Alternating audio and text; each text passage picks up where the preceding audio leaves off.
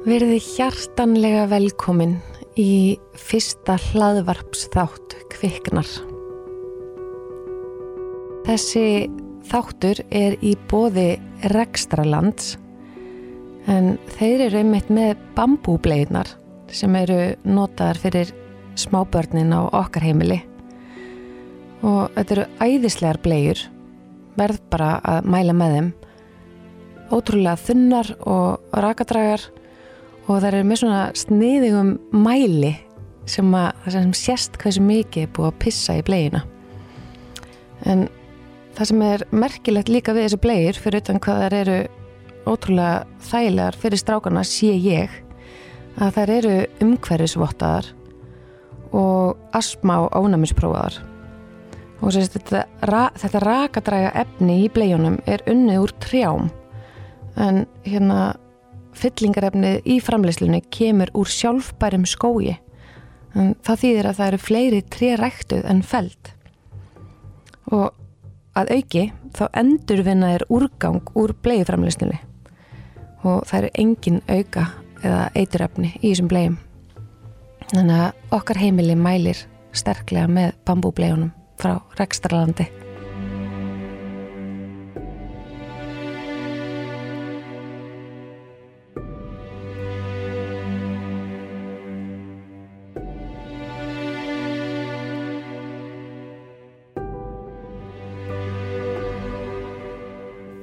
Í þessum fyrsta þætti um kviknar ævintýrið eins og ég kýsa kalla það ætla ég að spjalla eins við hana Hafdísi Rúnastóttur, vinkonu mína og ljósmóður Þorleif Kampan, kærasta minn og basföður og síðast en ekki síst að segriði Þóru vinkonu mína og samstarfskonu Þá ætla ég bara að bjóða þér hjartanlega velkona elsku Hafdís mín í kviknar podcastið. Viltu aðeins segja, frá, segja okkur frá því hver þú ert? Takk Andrea mín. Nú, ég er ljósmóðir og við erum nú búin að vera vinkunar ansi lengi. Já. Eiginlega frá því að þú var smákrakki og varst að passa börnin mín. Það er svona fyrstu minninga mín að þér sko. og svo þróaðist þetta nú og þú fórst eiga þín börn og, og ég held að, að hérna okkar svona sambandir virkilega mattsaði þegar ég var með í heimaþjónustu eftir fyrsta batnið þitt. Já. Og þá varst þú nú alltaf búin að fæða þegar þú sagði við skulum skrifa bóku þetta og við skulum gera eitthvað skemmtilegt sko. og ég var alltaf róað elskan, hugsaði um þitt batn og svona, við getum gert það einhvern tíðin í framtíðinni. Já. En þú ert rosalega fylgin þér og, og hérna hafðir þetta alltaf og varst alltaf að pikka í mig og ég var ekkert opbótlega leiðitömi fyrstu sko því að mér fannst þetta myndi kannski ekkert ganga sko svona honestly sko Já. En dræfið í þér er alveg ótrúlegt. Og keirir alla áfram og færð þessar hugmyndir og keirið þar í kaf og svo kaffærið einhver og þá stendur upp aftur og, og þetta bara riðt svona upp, tók langan tíma hjá okkur, þetta var rosalega meðganga. Þetta var þetta lengsta meðgangur. lengsta meðganga efer sko. En ég man hvað ég var hissað þú sagði mér að bókin væri farin í prentun sko, ég bara, ha, bara, vá. Þannig að þetta er ótrúlegt. Já. Og svo fylgdur þú setti með sjónvastáttunum sem fengu ettuverlunin geri aldrei betur Andri unbelievable hjá þér sko Já, takk fyrir það. Já, ég er mjög, ég mjög, mjög stolt af þessu. en Þetta er náttúrulega ekki einna, einnar konu verk, frekar heldur en uppelda barni eða fæðing. Nei, nei, það sjálfsögðu ekki en, en það þarf alltaf einhvern bílstjóra og það þarf einhvern dræf og það þarf einhver að fá hugmyndina og fylgja þeim eftir og þú veist, take off með all liði með sér og það er þú sko. Það er alveg bara alveg. Knúsaði fast á eftir. já, gerðu það. En, en þú, þú, þú tókst samt vel í hum, þó að þið fannst þetta svona til að byrja með svolítið eitthvað svona smá klikka. sko ég var bara fyrst að hugsa um þig svona faglega, mér fannst þessi hugmynd alveg briljant sko, Já. En þú varst þarna bara nýbúin að fæða og, og, og hérna varst bara svona eðlilega tilfinningarnæm og blúsuð og eitthvað svona. En ég hugsaði, já. þetta er alveg briljant hugmynd. Við skulum einhvern tíma gera þetta sko, Já. þegar þú ert búin að jafna þetta í fæðinguna sko. Já. sem ég var gerðum Sem sko. við gerðum, já, þetta er briljant hugmynd alveg. Þú svarar öllum hérna, spurningunum í kveiknarsbókinni. já, við fórum alltaf yfir þær eh, allar saman. Já. ha, í skemmtilegum eh, hérna, nætpartíum og selfossu og svona. Já.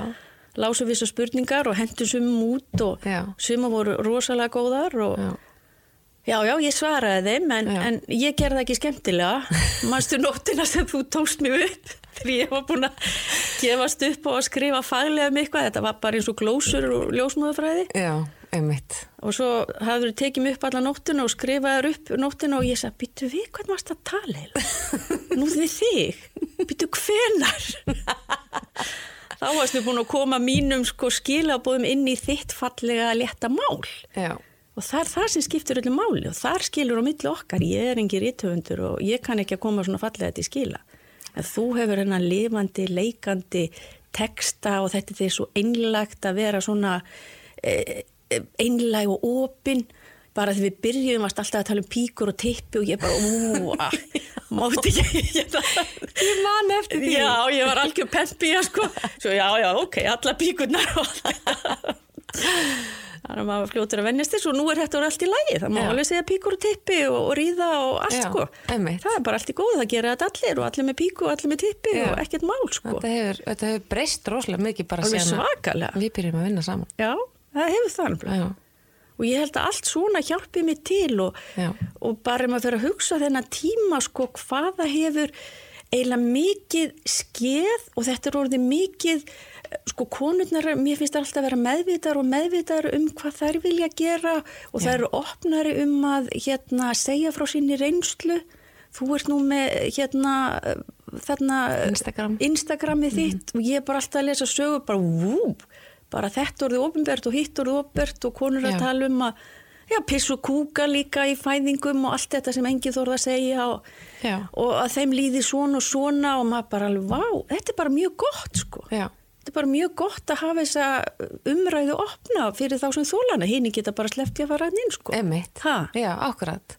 En þetta er ekki dónalegt, þetta er bara mannlegt og, Já. Og bara ég ber virðingu fyrir öllum þessum konum og líki bókinni sem að sögðu okkur svo einlaglega frá sinni reynslu og, og sínum tilfinningum og sínum vandamálum og sinni hamingi og sínum kvíða og, og sinni sorg og allt saman. Það var allt svona lagt fram á ofsalega fallegan hátt sko. Já.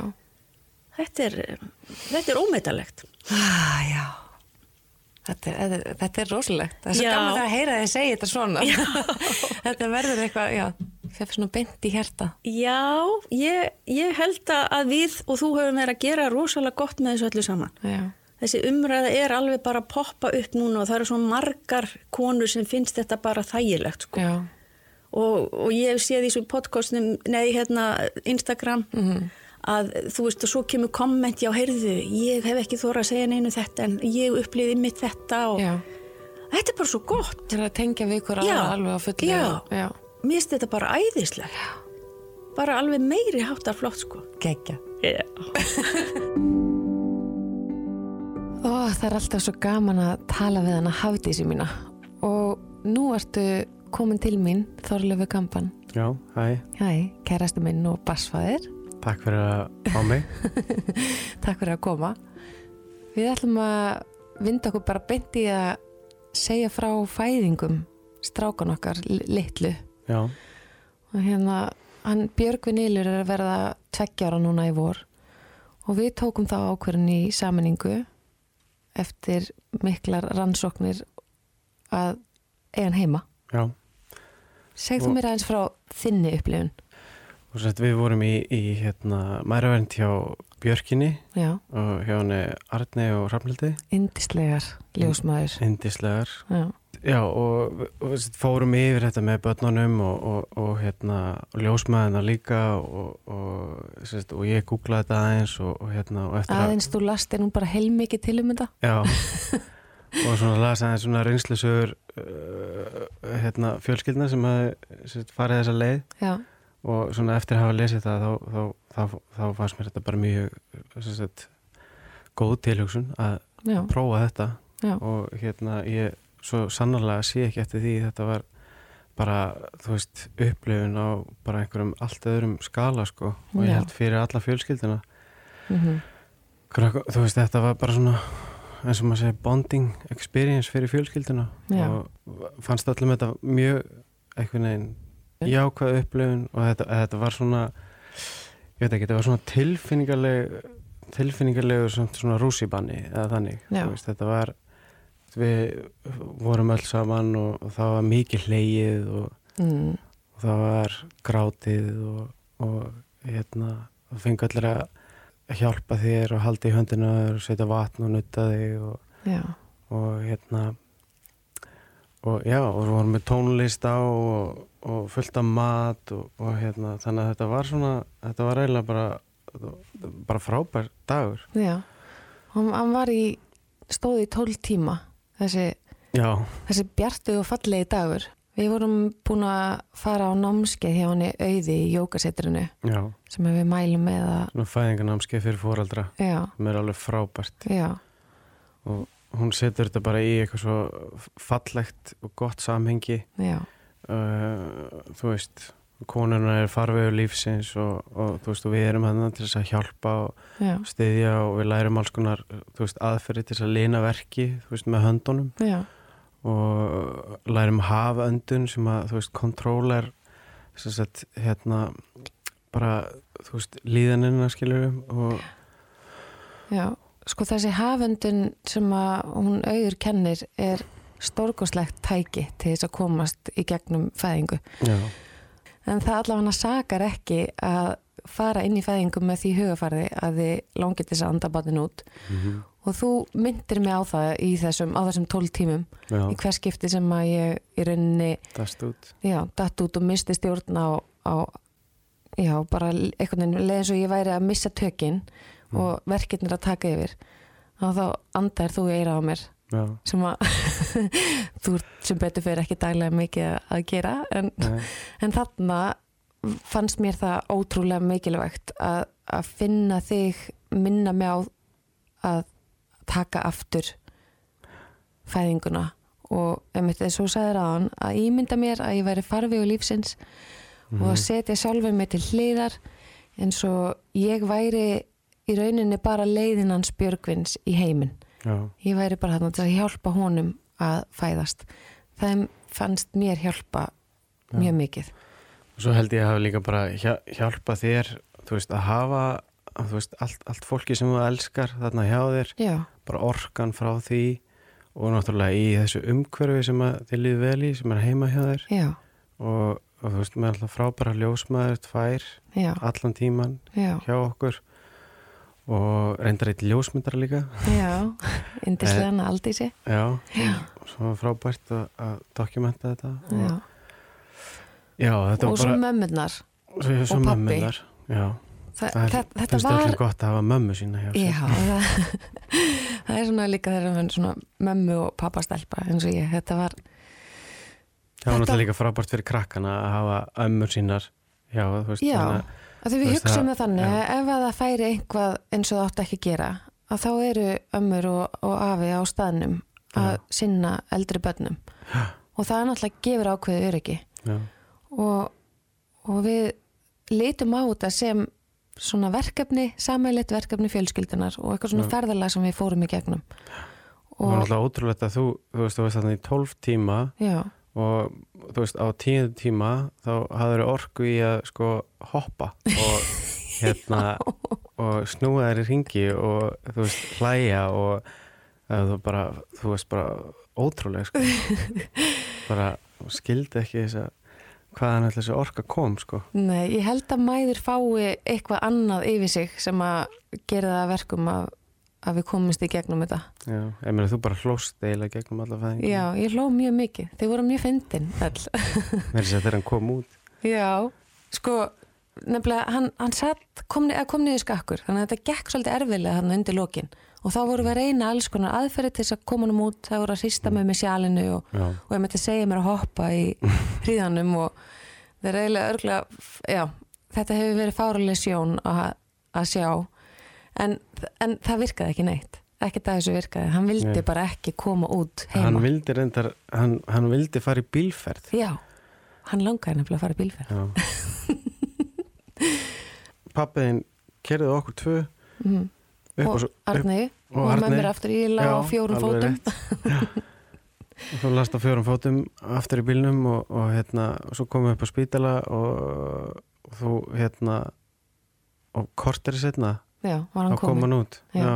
Ég fekk smá glaðloft þarna Já, það fæst gláðloft. Já, og ég, mér hefur aldrei líka vel við glaðloftið í fyrir fæðingum Nei, þannig að, ég, að, að mér fannst þetta að vera smá áhætt að taka herði, leið svona svakalega vel að þessu þetta Já. var svona svona líka sem það kikkaði vel inn Mhm. nema að ég fann bara eitthvað ógíslega andfíl úr sjálfur mér ég, já, þú sagðir það er einhver að prumpa. Það er, það er svo skítalegt hérna. Já, og hvað er tampusti minn? Ég er svo ógíslega andfúl. Og já, þannig að það var svolítið skemmtileg slegið í hausnum. en, en hláturinn hláturinn, hann gerir alltaf gott fyrir Já. verkina. Svo lastu bara fjórum, eða eh, varst á fjórum fótum og, og öskraði ég þarf að kúka og, og hérna ljósmaðurinn í mig, hann er bara að koma. Og ég trúði henni ekki alveg þegar hún var svo róleg. Þú veist, hún var bara svona já, og, og hérna, viltu ekki bara standa hérna ef þú ætlar að taka mótunum? Og að ég fekk sagt að taka mótunum og, Mhm. og þú veist, og þú öskraði bara ég þarf að kúka og, þú veist, og, og hann bara kom ekki kúkur, heldur að kom bat Já. Þetta er sama tilfinningin í alvöru og þó þetta hefur verið fjórða fæðingi mín út úr laggöng að þá er Já. alltaf eins. Þetta er alltaf eins og að sé að koma reisastór kúkur Ég held að, Já. ég held að svona flestar maður getur tengt við þetta. Þetta er mögulega sumar klárar en ég að fatta þetta í fjórðu fæðingu að sé raunverulega koma barn. þetta var bara, já, þetta var Þú kort, tókst á mótunum? já, ég tók á mótunum Já, kortir í 12 já, og fjóruða mæ já. og Við vorum að vonast þess að eiginlega hann, eh, við heldum að hann kæmi þarna ég, myndi, ég held að náttúrulega myndi aldrei koma hérna, fyrir miðnætti þegar við vorum náttúrulega bara nýkomin upp á spítala og Já, heldum að þetta er kannski eitthvað vesen. Já, ætlum að láta hann, já, við hugsaum, hérna, hugsaum, vá, flottur dagur, hérna, 0505 átján og það var sko dagljósmaðra, já, það hefði verið svo viðeigandi, já, en neini, hann ákvað bara að eiga sinn eigin dag, já, það vil bara fara sinni eigin leiðir. Já, stjórna þessu bara sjálfur. Þannig að þú og hann hann þarna dag. fangir og, já, eins og hann gerir þetta, stjórnar okkur öllum. Mm og settir hann svona á milli fótan á mér. Já, og þar fekk ég hann fyrst í fangi, já, það var smá svona já, þræðan einhvern veginn inn undir, mi- milli fótana og upp á, á bringun á þér. Já, sleipur, mm bráðir að sjá hann, svona, hann var smá blár, Nei, mér, nei, mér Nei. brá ekkert að saman sko. Nei. ég, hérna, hann var bara indislegur ég, það var bara ótrúlegt moment sko. Já. bara, já, Þetta var stund Bara- sem að við þrjú, allan að við tvö, glemum aldrei. já þetta er, þetta er alveg að besta heimi sko Já. En það var mikil sorgsamt þegar við fórum að heiman, Já. hérna stelpunar og, og fóruldrar, voru, þetta var erfitt já, að missa einhvern veginn af síðan enda sprettinum á við vorum búin að vera þessum- með okkur allan þann tíma Já. Þannig að það, það svo eiginlega. Var til þess að við ákvaðum bara hendi eitt í viðbútt. Nei, ég segi það nú Nei, nei, svona bara í léttu gríni. En við samt gerðum það hendum í eitt í viðbót. Já, og, og hérna svo meðganga kannski örlítið erfiðari en svo fyrri. Ólíkar meðgangur mjög. Fyrri em, meðgangan gekk ljómandi vel. Ég Já. skoppaði um og fannst aðeinslegt það sem að gerði út af mig var fótapyrringur en að öðru leiti var ég nú bara þokkalega geðgóð fjastur ekki. Jú, Já. Jú, svo kom næsta meðganga og hún gekk öllu verð og Já. ég var svolítið mikið lasin á þeirri meðgangu Mhm. en burt sér frá því þá varð fæðingin líka allt, allt öðruvísi. Já, og eiginlega ástæðan fyrir því að- að fæðingin var það svona ólík við ætlaðum náttúrulega að eiga aftur heima. Eins og hvað það ljósa að, hérna, að, hann var bara stór. Að, já, þú veist komið með einhverja fáranlega stóra kúlu. Já. og fann fyrir Og- mingum hreyfingum. Já, þú veist komið alltaf fram yfir langt fram yfir 41,5 Þannig við fórum upp á spítala í Vakstasónar og, og, og Vakstasónarinn sagði að hann væri 5,5 kíló. Já, 21, 2 mörg Já. og sett ljósmaðurinn sagði að nei, það er eitthvað svona skekkjumörk og eitthvað svona. Mm T- vildi nú enginn trúa þessu sko. Nei, það vildi nefnilega enginn trú þessu. Og meiri þess að Mhm. þegar það var verið að þreyfa kúluna mína eftir vakstasónunin og fyrir og svona og Já. það var búið að áætla hann svona kannski þrjú og hálft, mestalagi fjögur kíló. Að þá var tekin ákvörðun að í rauninni bjóð okkur vegna þess að ég hafði slæma reynslu af öllum fyrirfæðingunum mínum hvað það var þar að börnin kom all skökk niður. Mm þannig að þegar komi ljós að hann yrði mögulega svona stór að þá var okkur bóðið já, í rauninni þú íttir svolítið á það að við getum fengið val um að fara beint í keisara og við fengum það. Já. en það er mæltu samt með því að við myndum rey, láta reyna á gangsetningu af því að þessi hormón sem að fara í gang þegar kona fer, byrjar í fæðingu eru mjög mikilvæg uh, fyrir barnið. Það gefur hérna barninu svona ákveðin undirbúning að nú sé það að fara að koma í heiminn meðan að keisari er meira sjokk fyrir, fyrir barnið. Þannig að við vorum í mjög miklum vafa hvað við vildum gera en í rauninni við vorum komin svo langt frá upphaflega planinu að okkur langaði að fæða heima og við vorum komin yfir að þurfa að gera það á spítala vegna þess að ég, ég fór aldrei á stað. Og ég var komin hérna 41 pluss 5 og ég hef aldrei gengið svona langt, fymta meðganga og ég fór bara ekki á stað. Og hérna á þessum tímbúndi var ekkert annað í búið heldur en bara að sækja barnið með sama hvaða leið það væri. Og við fórum heim, fengum hann eina kvöldstund til þess að ákveða hvað við vildum gera og við svolítið hlustum á innsæði þessum efnum sem að ég náttúrulega er búin að koma stað í gegnum allt þetta kviknarverkefni að, að það er mjög mikilvægt. Það er mikilvægt fyrir okkur fóreldra að hlusta á þetta innsæði sem er alltaf að segja okkur eitthvað í sambandi við okkur sjálf sem fóreldra og börnun okkar. Algjörlega. bara svona skjótaði inn. En við, við mættum daginn eftir og vorum og í raun og verið búin að taka ákvörðun um að láta það hérna Fara í keisara.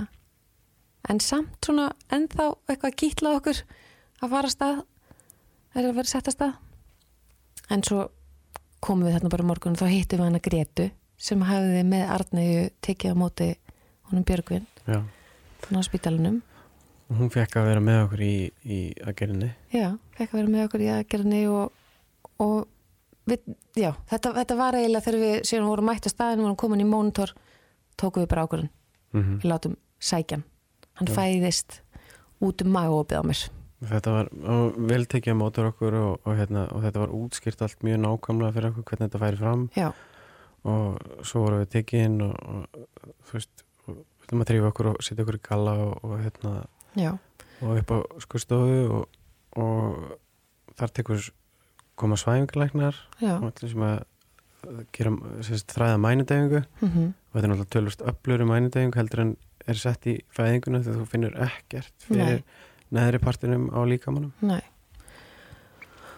Og svo er henni bara lögð niður þegar að búa mændega mig. Já, og þá lendi ég einhvern smá vandræðan hérna með blóðþristingin rauk upp og niður og fekk eitthvað svakalegan höfverk en það var eiginlega eini tímapunkturinn sem ég var óttaslegin. Já, ég fekk, já, ég fekk smá svona og fór eitthvað aðeins að gráta og þú hérna eitthvað svona hjálpa mér að útskýra fyrir hérna læknunum hvað veri í gangi og þeir bara í rauninni blöndu þarna eitthvað lifakoktil að gerði það sem við þurftum að gera til þess að það var mjög fljótt að gangi yfir. Já, og þá vorum við bara róli og svo horfið þú bara á þær hérna yfir tjaldið. Já. Sem að Greta sagði við mig bara þetta, þú, pikkaði aftur svona í mig þetta gerist mjög rætt alveg svo í sístu fæðingunni. Það var að fylgjast með að vera tilbúið núna sko. og ég, ég, ég sérst, var hinn með við tjaldið þannig að ég gæti ekki beint séð en ég, gat, ég, ég setti á rekk á símanum hjælt honum svona yfir þannig að, að ég náði sérst, fæðingunni sjálfur á, á vídeo. Já. Það fannst mér geggjað að eiga það eftir á. Já, þetta er náttúrulega þetta er, þetta er, er rosa þetta er rosa, það er að skera þarna á fullu sko, hvert lægi á fætur öðru sko, og, og magan já, og svo, þú veist, fara með hendurnar og rífa sérst vöðvana frá. Já. og ég veit ekki, það er svolítið þetta er svolítið svona þetta er ekki, þetta er ekki fyrir viðkvæma að- sjá þetta. Þannig að ég mæla ekki með að horfa á þetta ef þú veist við komum fyrir svona hlutum. Nei, og þetta er svolítið miklu líkamlega krafta sem þarf að, að hérna, þú fannst náttúrulega ekkert fyrir þess að þú bara hristi- eitthvað svona til já, já, sem er að taka vöðuna frá og rífa og svo bara er þessu svona poppa út eins og, eins og kampaðins pappa.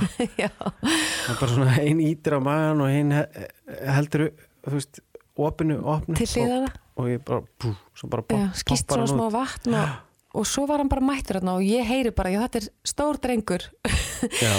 Hann var sérstætt þó að enginn hafi trúaði fyrir fram þrátt fyrir vakstarssonurinn, það var hann 5230 gram og 59 cm þannig að vakstasónun var bara nokkuð réttur sko. já. Og við fengum hann hann aðeins í andlitið og þefa af honum. Já. þetta er uppáhaldslykt lífsmýns þetta Það var bara æðislegt moment. Já. Hann var alveg frábær. Sko munurinn er á sem ég finn með legangafæðingu og keisarafæðingu aðalega er að það vantar lík, þessa líkamlegu losun þennan létti sem þú færð þegar barnið er komið. Þarna bara var hann allt í hennu komin. En mér finnst það líka stórkoslu upplifun og Já. að finna að vera í höndum all, alls þessa fagfólks að á spítalunum. já, Þetta er bara stórkoslegt. Ég upplýði reyndar eftir á að því að fjóru legangafæðingar og eitt keisari. Mér fannst erfiðara uh, að jafna mig eftir á, já. eftir keisaran. Það er ekkit öllum sem finnst það. Nei. Sumar elska keisara, aðra elska heimafæðingar og aðra elska spítalufæðingar og þú veist, þetta er bara, þetta er er að, bar, að veist, koma barninu út og Já. að það sé heilu og höldnu hitt er, hitt er svona secondary Já. Egu að fara aðeins út í vinnusambandið okkar sem að hófst eiginlega strax og við kynntumst. Ég tala náttúrulega við hann að hafði sér náðan og þú komst að þeirri bók sem við hafðís skrifuðum, Já. kviknar Já. og með því að hannana og Mhm. setja hann upp og fegst fítivelun fyrir með þess að bara þarna þegar við kynntumst fyrir fjórum ára síðan þá Sagði- vantaði þig grafiskan hannu Já, og þess vegna byrjaði með mér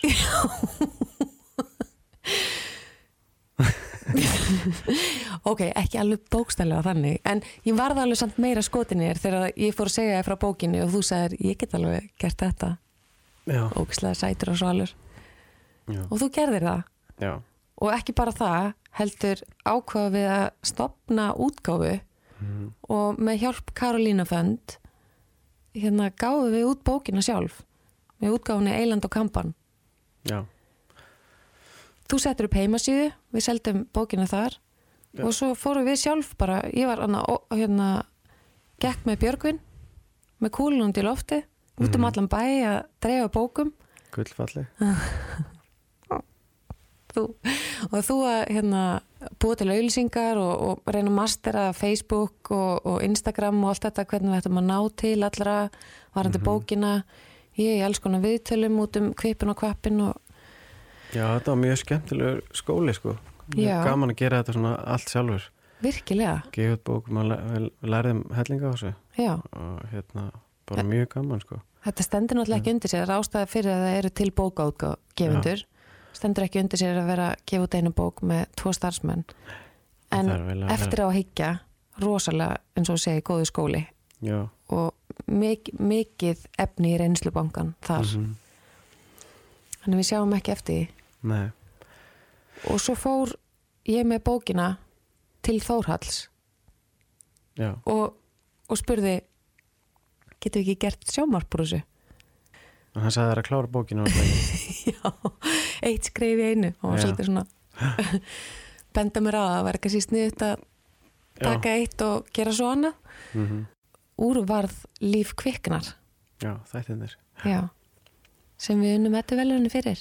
Já, já, það sem gerir þættina náttúrulega einstaka er uh, trösti sem að viðmælandunir uh, höfðu til þín og okkar að, að hérna, geta tala svona einlæglega um sína reynslu.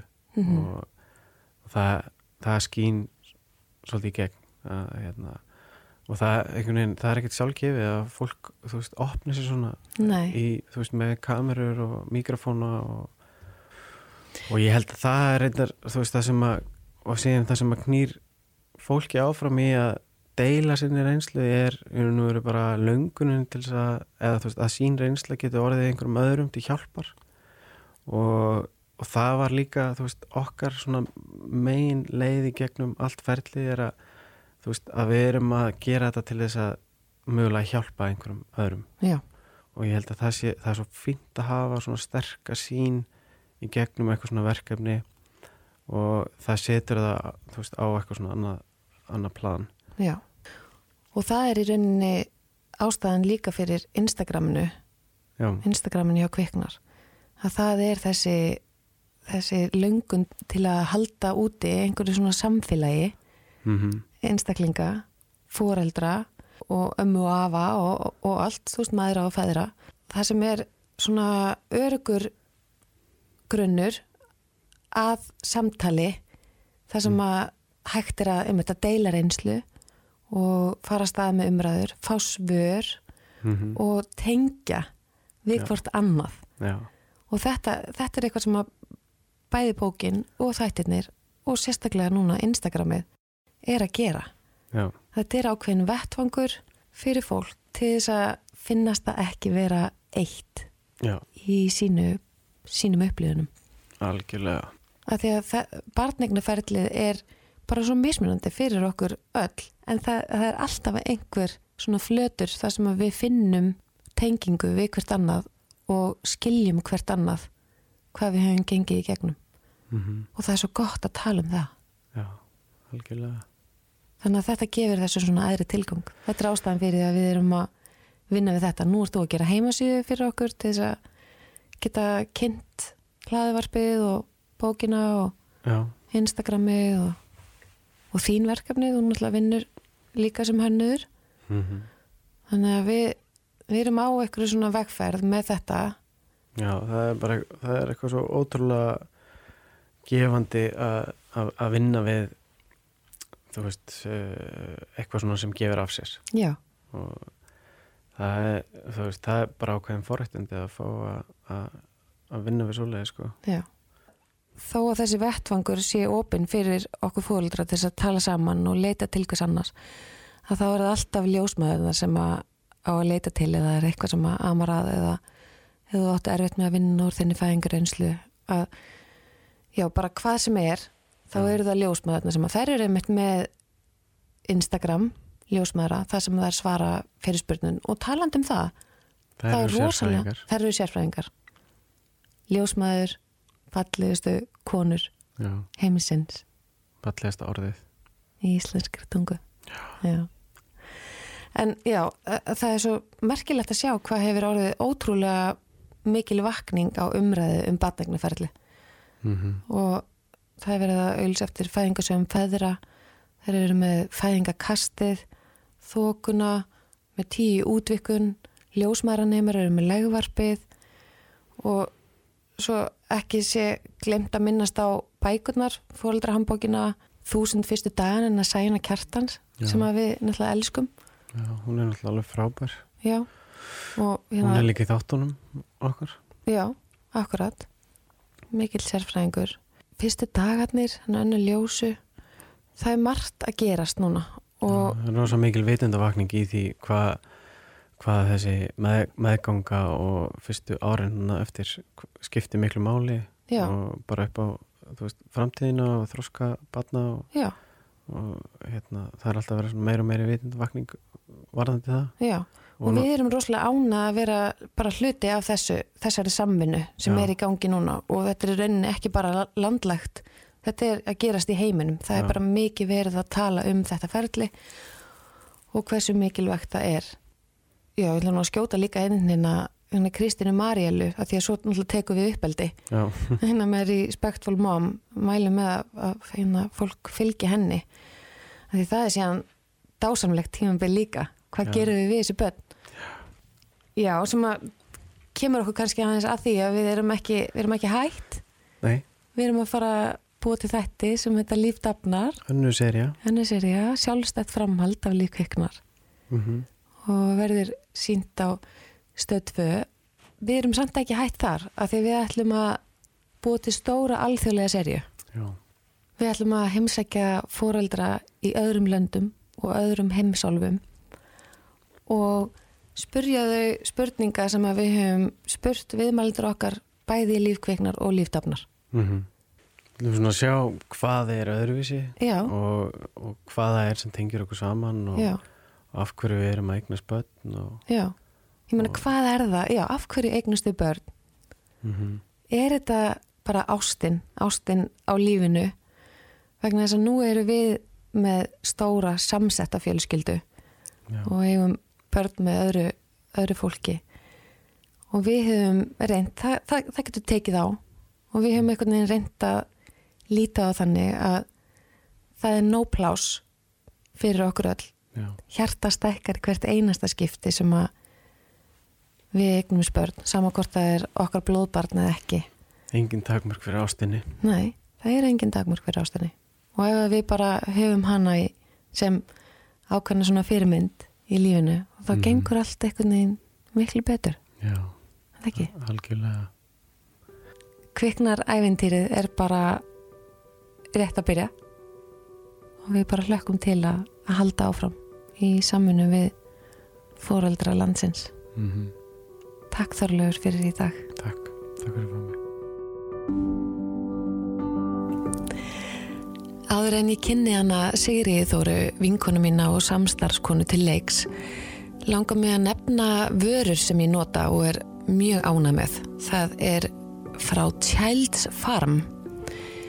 Þið öruglega margar kannist við þetta, en við á okkar heimili notum freyði bublurnar ótrúlega mikið og ég vil nefna að þær svíða ekki í augun, hvorki á strákunum né á mér þegar ég hef stólist til að nota þetta. Og síðan langar mig líka að segja ykkur frá ólíinni ég elska kókuslykt og það er með svona æðislega mjúka ólíu sem er dásamleg til að nota í ungbarnanutt fer mjög hratt inn í húðina og ég nota hana líka á sjálfum mig bæði andlit og leggi. Ekki segja neinum frá.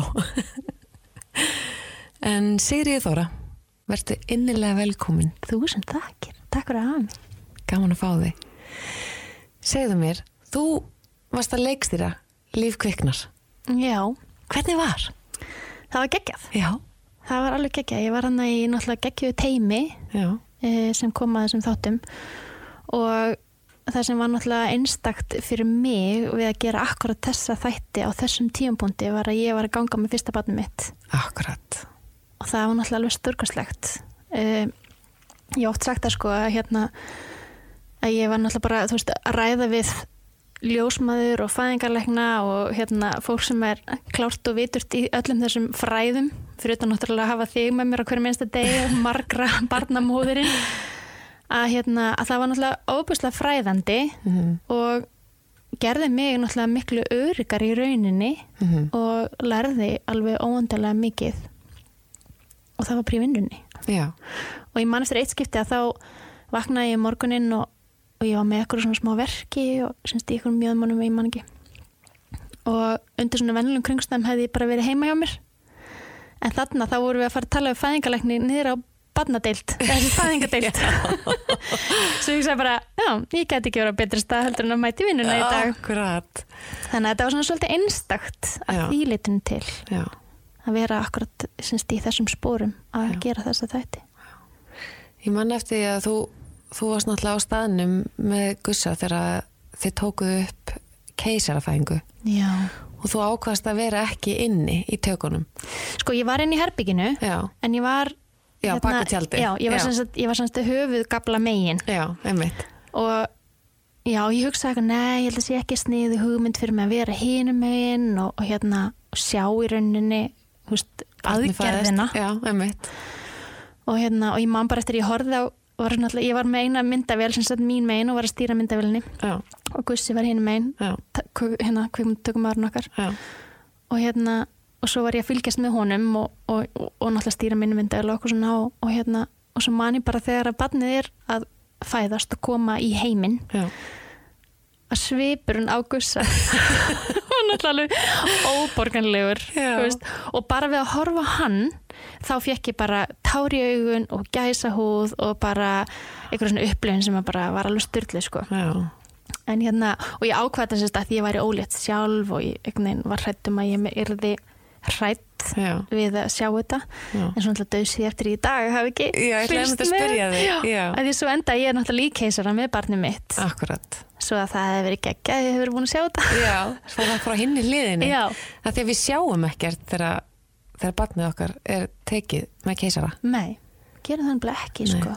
Ég man bara eftir að séð eh, sko, ekki þegar ég átti minnstrák eh, ég man og að líta eftir því í rauninni sko, en, Mhm. en í þessum tökum Mm að sjá í því, því tilviki og í mínu líka þá voru tvær kvenkins fæðingalegnar Já. eða tveir, tvær Já. Tvær, já. Og hérna uh, og að sjá aflið Mm sem það er þurfti að beita, Beita. til þess að koma barnin í heiminn að það er alveg ávið sko aflið sem að hérna, konur sem að eiga legganga fæðingar Já. þurfa að beita Já. Það var rosalega magna að sjá það veist, þar voru tvær alveg að reyna Hamast. já, og rífið allt upp og, og Já, ég man nefnilega alveg í mínu keisara hvernig ég svona hvernig ferðist til Já. hliðana Já. þó ég hef ekki fundið náttúrulega neitt, sásöka. Nei, ég oft líkt þessu svolítið við að þetta er svona þegar maður veitir tannlæknis og það er búið að deyfa mann alveg í, veist, bara yfir því hvert að maður svona finnur það er eitthvað að gerast. Tannlæknin er eitthvað að stúsast og vesast og hamast sko, en þú finnur enga sásöka þetta er svolítið svona svipað finnst mér. Já. En við, við vorum í tökum á þessum þáttum bara þú ófrísk og ég með lítið batna á brjóstu eða Já. pumpu. Já, og áttum bara einu, einu, einu bestu stundir betur. sérstaklega vinnulega séð og, og náttúrulega líka bara persónulega séð. Já, en við hérna unnum sér nettuna já, fyrir þessa þætti. Já. Ég fæ ekki nóga því að monta með því. Nei, eðlilega. Má það ekki alveg? Jú, Já, heldur betur. Ég, sko, það sem ég held líka hafi verið um, að því að það sem gerir bara góða lista, góðri list hvort sem það er sjónvarp eða myndlist eða hvað annað mm, að þetta er í rauninni ákveð listform. Já, sérstaklega þegar það er, finnst mér svona þættir. Mm, þó ég segi sjálf frá já, að þá hérna uh, þá er það náttúrulega bara þegar það er hjarta já. á bakvið og þegar það er, veist, innlegni. Mhm. og ég held að við höfum verið alveg ótrúlega hefnar með teimið okkar Já, í þessum þáttum. Af því að eins og við höfum oft talað um að við vorum alltaf ofbærslega ólík. En við áttum einhvern veginn öll smá svona teng, eða svona, já, auðvitað eiga allir sem hafa eignast börn eiga eitthvað svona tenginga við það og, og þeir sem eiga ekki börn eiga líka tengingar á annan hátt. En við vorum einhvern veginn svona ég og þú náttúrulega óbærslega ólíkum stöðum þú, þú veist, nýbúin að eignast með og hérna, nei, ganga með og eignast hérna fjóruða barnið þitt. Síðan þá ertu náttúrulega búin að bæta einu við. Jú, jú. Uh, ég þannig að 39 er að frumbyrja Mhm. að eignast fyrsta barnið mitt frekar seint svona með að við hvernig hérna, þetta hefur allan að verið í gegnum tíðina, þetta er nú aðeins að breytast og svo vorum við Gussa sem var þá tvekja barnafæður, hann er líka búin að bæta við barni og hann hafði tekið á móti öðru barninu sínu á rauður ljósi. Já, og hérna kifti niður buksunum hjá konunni sinni til þess að hún geti átt barni á rauður ljósi á akkurat. sem er crazy.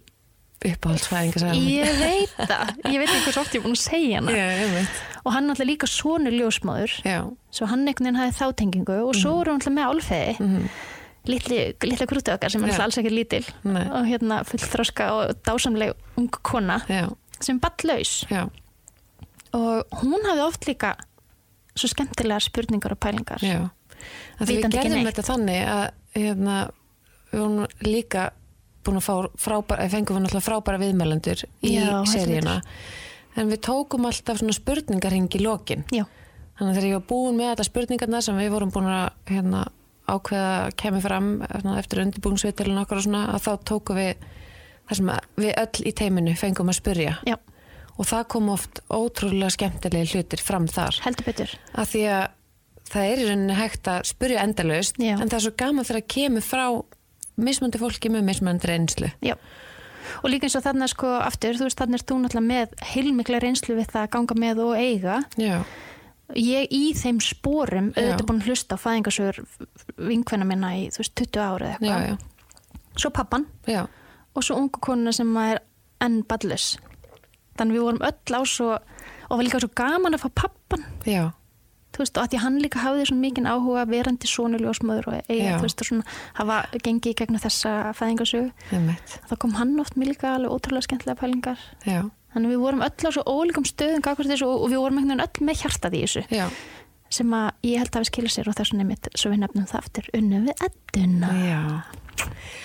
Og erum ekki hægt. Nei, Við ætlum að, en það er nú að taka meira já, það er nóg að taka. Við gætum auðvitað framleitt örgulega fimm svona seríur í viðbútt Já, og yrðu engin eins ólíkar. Það yrðu engin er eins. Því það er endalust hægt að tala um þetta ferli. Já, við ætlum að stíga næsta skref og Já. fjalla um fráfæðingu Já, og fyrstu tvö, þrjú árbásins. já Og það er, þú veist, aftur að því að maður leita svona í eigin reynslu og þetta sér maður heiminn alltaf út frá sjálfum sér og úr sínu eigin sæti Já, að verandi núna með drengunum minn á 16 mánuða og að upplifa sængurleguna og fæðingar svona fyrstu hérna, fæðingar orlofið sem kallast. Jú, ég nota reyndar barneignarleifi frekar Jú, jú. það er svona nær því sem þetta er þetta er ekkert orlof. Alls ekki. að, hérna, að það er svo margt sem þarf að ræða. Já, og það er svo margt sem við ræðum ekki. Mæ, sem við þurfum að ræða. Já. sem er svo mikilvægt að tala um. Mm og alls konar sem við setjum oft með bara heima hjá okkur og mörgum konum og, og náttúrulega fóreldrum bara Mhm. yfirleitt hérna líður ítla og alls konar Við förum náttúrulega ekki á námskeið heldur í hvernig við um að Nei. eignast börn eða hvað um að sé hann að gera við börn þegar þeir eru komin. en líka sko að því að við þurfum að læra fyrir öll störf Já, í rauninni, Já. ef þú veist ef við ætlum að fara í eitthvað stort og mikið starf í lífinu já, þá þurfum við annarkvært að vera búin að menta okkur eða, þú veist, vera með einhverja reynslu eða þú veist eitthvað á bakinu já. En það er Nei. ekki þannig í fólkur hlutverkinu. Nei. þá er þetta, þetta er svo mikið, já, já, ok, hvað er innsæði að segja mér? já, Sem er náttúrulega mjög gott að hlusta það. Og svo bara spurja og, og læra af öðrum Já. og eitthvað svona bara feta sig áfram Já. dag fyrir dag. já leita er til alltaf hver einhvern veginn- annarar Já. og, og hvers annars Já, þannig að þess vegna er held ég nöðsulegt að við aðeins töppum inn á þetta umræðefni. Hvað er við eiginlega að gera við þessi börn og af hverju eru við eignast þessi börn og Einmitt. hvernig eigum við að vera foreldrar og hvernig eigum við að vera makar. já, já, og svo er það Tökum það svolítið fyrir. já, hvernig hefur neina Hvernig fer þetta með sambandi?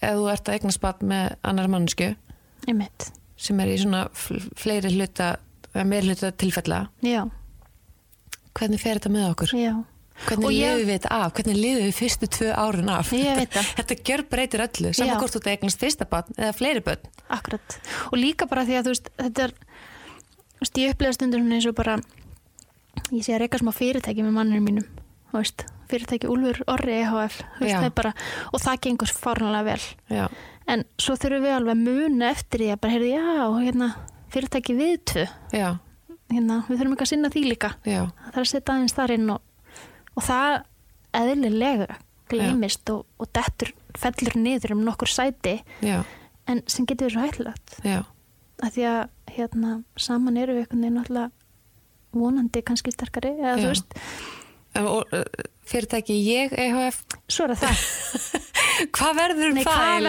nákvæmlega, hvert fyrir það? Það er Það sæti fer eitthvað í vaskinn, sko. 20. sko, þetta er alveg svakalegt. Þannig að það er að mörg að huga. Já, og svo er það líkams ímyndin og, og hérna, við ætlum að tala um það. við erum að tala um það. Og margt. Okkur, okkur vantar samt, við skulum bara nota tækifærið Já. og auglýsa eftir Já. vegna þess að okkur vantar hérna, fólk eldra en svona 65-70 ára. Mögulega svona eitthvað, eitthvað, eitthvað alveg vel eldra en það sem eru tilbúin að segja okkur frá þegar þeim mögulega eignast þarna þessi 15 börn sem var í gangi í gamla daga. Ég lakast til að tala við það fólk. Já, ég Þannig elska að tala við já, eldra fólk okkur vantar Já. eldra fólk já, sem er tilbúin að deila sinni reynslu af batningnum já, sem eru ramma og afi og langam og langafi mögulega helst Hvernig eru þið búin að fara að þessu? já og bara Og uppelsaferðir hvað og, hva, ef þú búin að eignast tíu börn, hvað áttu heila mörg barnabörn líka? Ég myndi reyni. Einmitt. Herra, okkur vantar líka fólk sem er að fara að ætliða barn. Já. Við okkur vantar það því Já. að það er nú aldeilis eitt form Að fæðingu. Að, því, að fæðingu. Akkurat, að fæðingu. Þannig að við viljum Að fara- að vera með því. Já.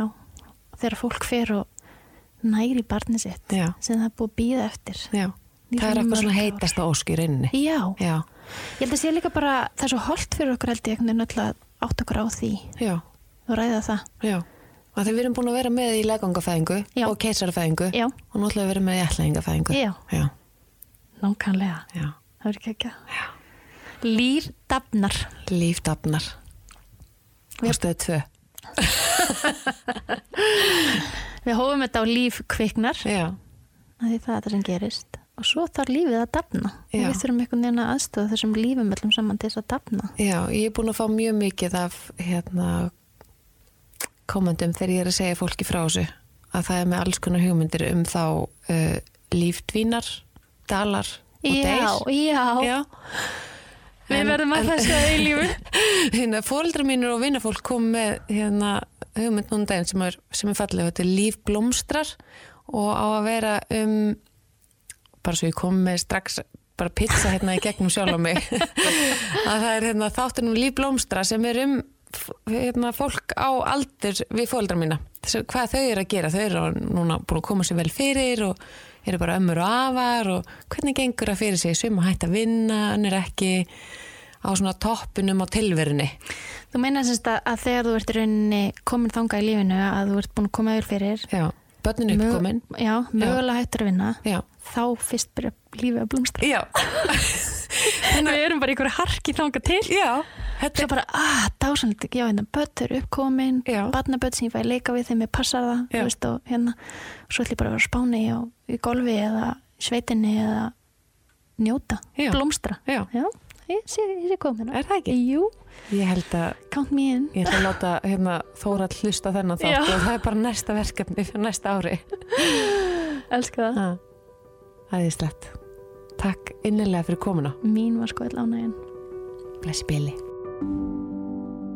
Þessi þáttur var í bóði Rekstralands og sniðið að segja frá því líka. Þeir eru með fyrstu vikuna í hverju mánuði frá 8 til 5 svona kynningar hérna kynningadag eða rauninni þú getur komið og valið þér þinn eigin starfbakka í samvinnu við starfsfólkið og þar færðu til dæmis bleira batnið og sjálfa þig mjög mikilvægt mæli með að velja stæðstu bleiðnar hann fyrir fyrstu dagana og svo buksunar dásamlegu utanum bleiðnar á sjálfa þig sem er hægt að nota alveg fyrstu, fyrstu marga vikurnar eftir fæðingu bassins og þú getur fengið náttúrulega bossakrem og, og sóttrensir og, og undirbreiðslur og alls konar. Og ef þú mætir hérna fyrstu vikuna í hverju mánuði þá færðu 10% afslátt af þessum starfbakka. Þannig að við mælum með rekstralandi og þökkum þeim kærlega fyrir að styrkja þennan fyrsta þátt í Kviknar podcasti